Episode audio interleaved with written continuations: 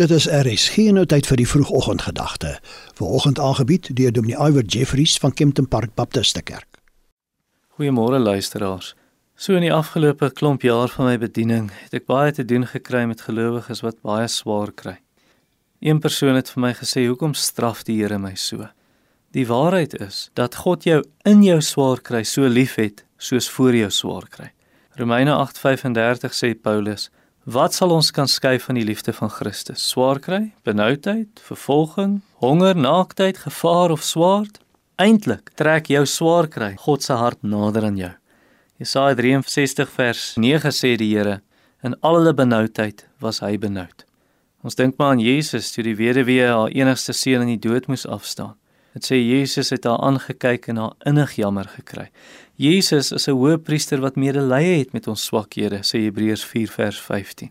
Iemand het gesê die boer is nooit nader aan die wingerd as wanneer hy dit snoei nie.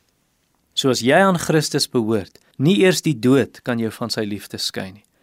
Die dood word eintlik maar net 'n goue koets wat jou na hom toe vat. So Stefanus, toe hy besig was om te sterf en Jesus in die hemel sien, toe kon hy sê Here Jesus, ontvang my gees.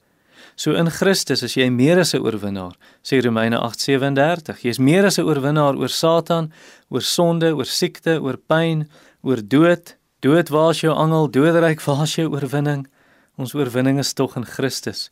In Openbaring 2 en 3 spel Johannes die belonings uit vir die wat die oorwinning behaal. Ons gaan eet van die boom van die lewe, ons sal die kroon van die lewe ontvang.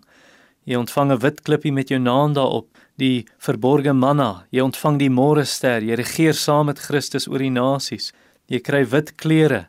Jou naam word nooit uit die boek van die lewe gevee nie. Jy word 'n pilaar in die nuwe tempel van God en God se naam is op jou geskryf. Jy sal saam met Christus op sy troon sit.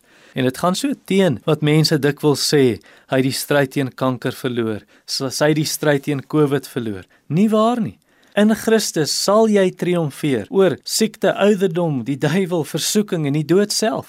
Ek bedoel nie jy gaan nie sterf nie, ek bedoel nie jy sal nooit siek word nie, maar ek bedoel Jesus sal ons opwek uit die dood. Die dood sal nie die laaste lag hê nie, maar die wat aan Jesus behoort. Niks kan jou van Christus skei nie.